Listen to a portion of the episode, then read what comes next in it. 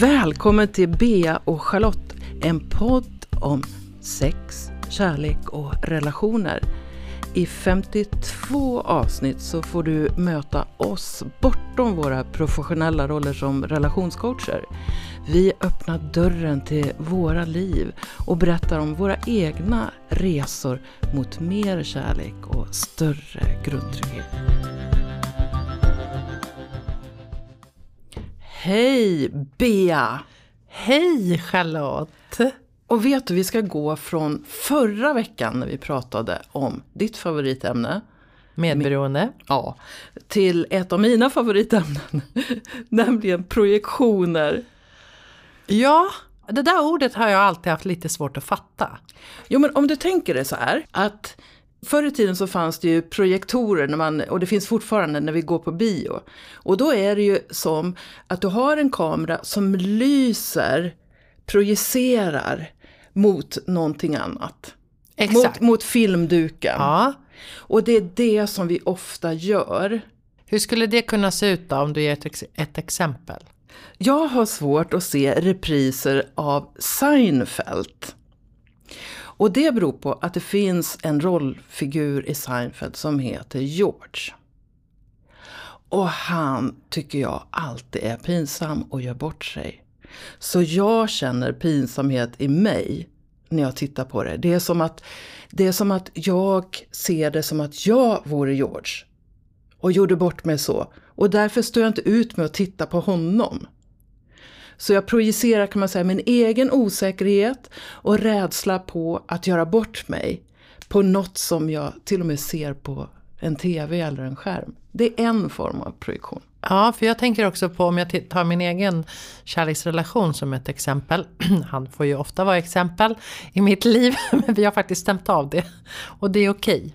Men så kan jag tänka mig att Eh, skulle det kunna vara så att jag känner mig lite irriterad på någonting? Alltså jag har irritation i kroppen och sen så projicerar jag ut det på Theo. Att det är någonting så här, men gud nu har du ställt skorna hallen fel igen. Fast det handlar egentligen inte om det. Kan det, det vara en projektion? Ja men det, det är väl vanligt att man håller på så. Men man brukar också säga så här att förälskelse är den största projektionen utav alla. För under en period så, se, så såg du Theo som på ett rosa moln, kanske om ni var sådär störtförälskade. Och jag var så här passionerat förälskad en gång. Och så kunde jag ju se att eh, han slängde sina strumpor i små korvar så här på golvet. Och, och att han inte gillade att städa och då var det så här, och vilken fantastisk avslappnad person som kan ägna sig så mycket åt mig och, och som inte bryr sig så mycket om hur det ser ut runt honom. Och, det, var, det känns ju som att du då projicerade en hel romantisk film på den personen. Precis. Ja, okay. Ett år senare så låg ju de där strumpkorvarna där. Mm. Och så var det inte diskat. Mm. Eller hans kläder låg slängda eller någonting. Och då projicerar jag ut liksom dumma dig eh, mm. på, på honom. Så att man kan verkligen gå från där placera någon på en piedestal till att eh, göra dem mycket mindre än de är. Och egentligen handlar det om en själv. Mm. Så osäkerhet, jag försöker bara nysta i det här ordet för jag tycker att det är så intressant. Osäkerhet då, till exempel att se någon som har lyckats väldigt mycket liksom att projicera sin egen eh, osäkerhet eller offerroll. På, ja, ja, nej men jag har inte det de har. Eller kan det också vara en form av projicering? Alltså, jag minns en gång, jag bodde i en by i Skåne. Och så var det en i bekantskapskretsen som fick en sån där trisslopp där man sitter i TV4-studio. Och hon vann ju massa pengar varje månad i 20 år eller något sånt där. Och då så säger en annan bybo. Ja, då har ju vinsterna till Slimminge gått då. Och det tycker jag är lite grann utav, utav det här. Alltså eh, det är nästan så att han, han var på gränsen till missundsam eh, mot henne. För nu hade, hon, hade ju hon tagit den vinsten som skulle kunna komma dit. Så man kan hålla på med det där på, på, mycket, på många sätt. Mm. Men det vanliga är att man, att man liksom säger någonting om en annan eller tänker något om en annan.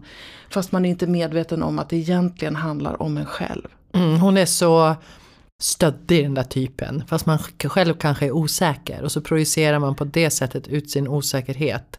Genom att säga och tycka och tänka om någon annan då. Ja, och, och projektioner kan ofta vara dömande mot den andra. Förutom då i förälskelse till ja. exempel. Eller om du, om du har en idol. Så kan det ju också vara så att du kan ha många av de här fina egenskaperna. Som du ser hos idolen. Men det är mycket lättare att se den hos den än att se det fina, det vackra, det stora hos dig själv. Så att det används åt båda hållen. Om jag då kan se, inte kan se det fina i mig själv, kan det vara så att jag inte heller kan se det, det jobbiga eller mörka i mig själv när jag projicerar ut det? Jag tror att vi är väldigt duktiga på att projicera ut vårt eget mörker eller våra egna tillkortakommanden på andra för att det är liksom bekvämare att göra så. Då slipper vi känna den egna smärtan. Så jag tänker att projektioner är också ett sätt att smita från sig själv. Och låta allt det där som händer vara en bit bort ifrån oss. Och jag tänker det här när barn leker i sandlådan. Det är någonstans där det börjar. Dumma dig. Är det verkligen så att den andra är dum? Eller vad är min roll? Liksom. Ja. Eh, I det hela tänker jag också är viktigt. Alltså, projektion är ju en psykologisk term. Och som används väldigt mycket eh, Eh, när man tittar på hur människor relaterar till, till varandra. Och jag vet att jag gjorde mycket så här i Osho-världen. Eh, och där jobbar man mycket med meditation och sådär. Och då brukar de säga det att det sista som lämnar en människa innan de liksom blir upplysta. Det är projektioner. Alltså det är så grundläggande i oss att vi pushar någonting till någon annan. Och jag, jag kan berätta om en grej vi fick göra när jag, jag utbildade mig till kroppsterapeut. Och så jobbade vi under en vecka kring projektioner och så. Och då fick vi så här i uppgift att för oss själva tänka på en, ett ex. Och så skulle vi skriva upp liksom allt som vi tyckte illa om hos den där personen. Han lyssnar inte, han tittar inte på mig, han är självupptagen, han hjälper aldrig till, vad det nu kunde vara. Och sen så fick vi ta och sätta oss mitt emot en annan person. Och så fick vi byta ordet på vår ex-partner till oss själva. Jag är självupptagen, jag lyssnar inte på andra. Och det var nog oerhört smärtsamt för jag kommer ihåg att jag hade ju en exman då. Och, och jag tänkte, gud vad skönt att få säga alla de här taskigheterna om honom. Och jag kände mig som, åh jag vågar äntligen se på honom i ett klart ljus. Och sen bara bang! Tillbaks till mig själv. Och så behövde det inte vara att man behöver inte äga precis allt av det. Men det är ändå en tankeställare. Att det man säger om någon annan kan vara en aspekt av en själv. Mm. Det där tycker jag är så fint och det där har varit så främmande för mig i, liksom, på min resa. Det där hörde jag Kai Pollak sa någon gång.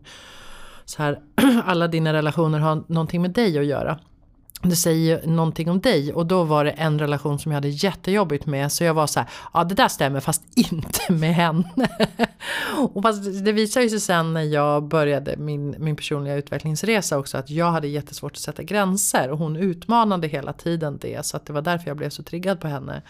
Men jag tänker också så här att titta på sig själv så här, ja men var är jag självisk då? Det är liksom, jag kanske inte är självisk precis som mitt ex har varit självisk men jag är ju också självisk.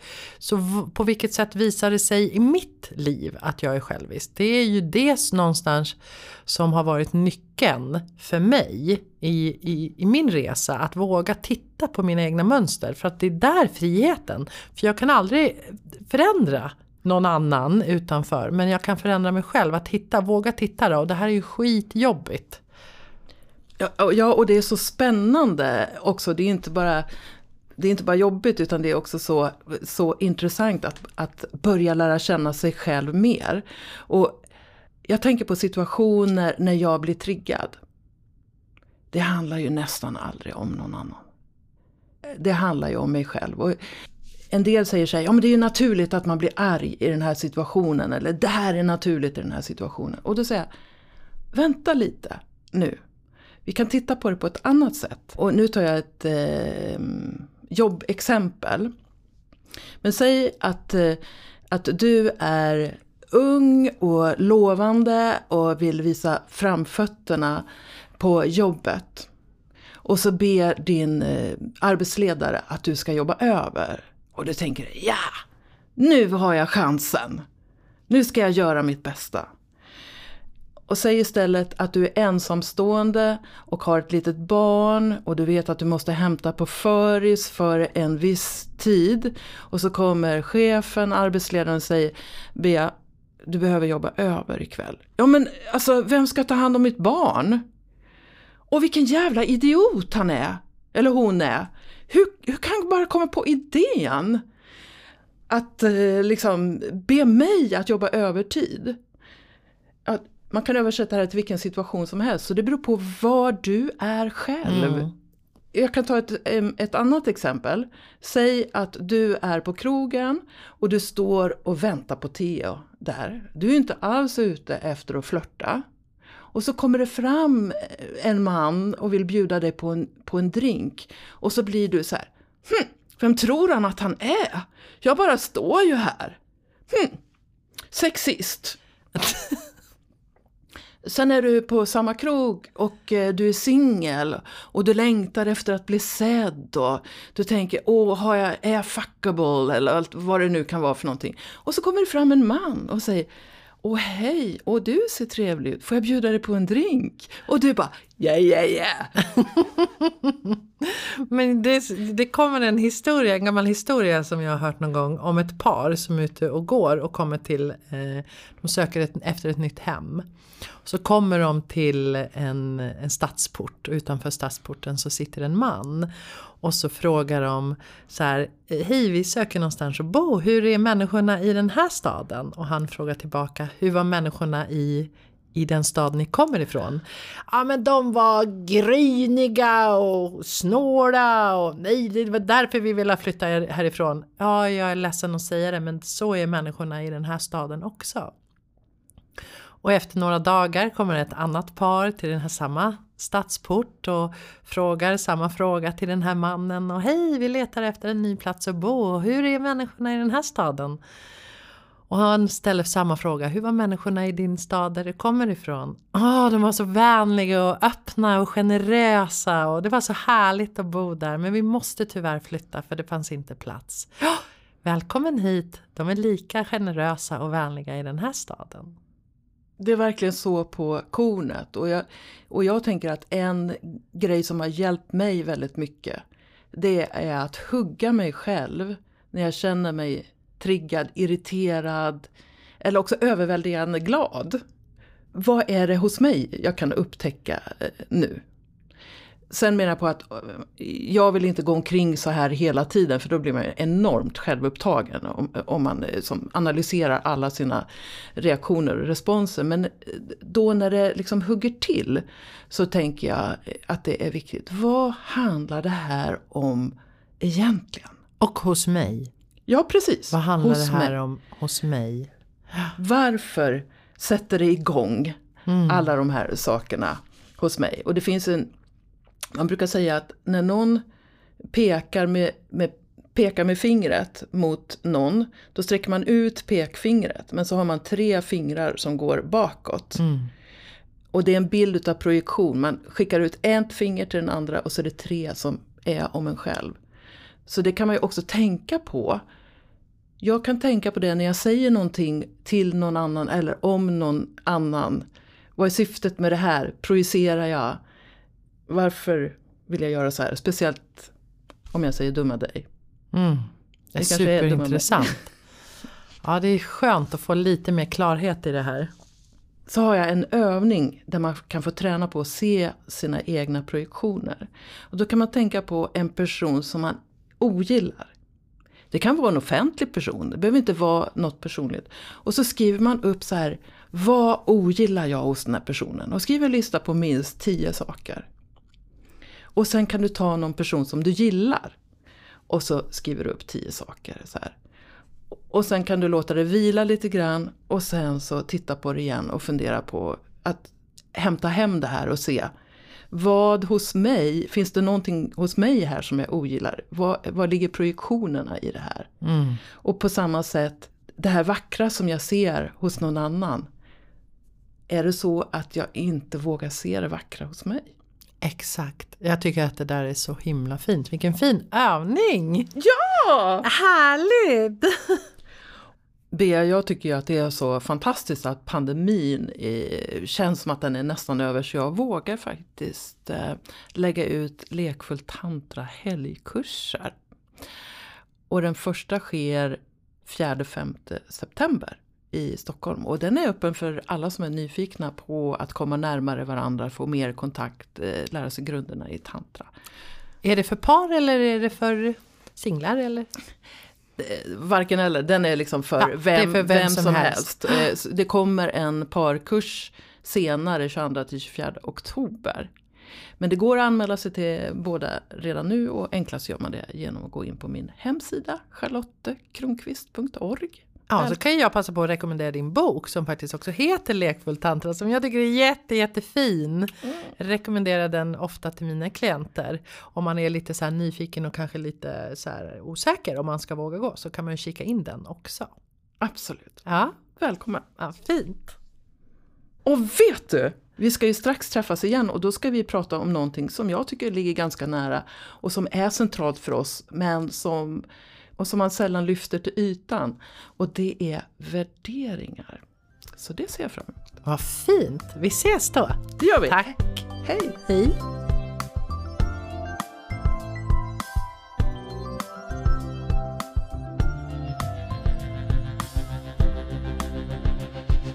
Du har lyssnat på Bea och Charlotte.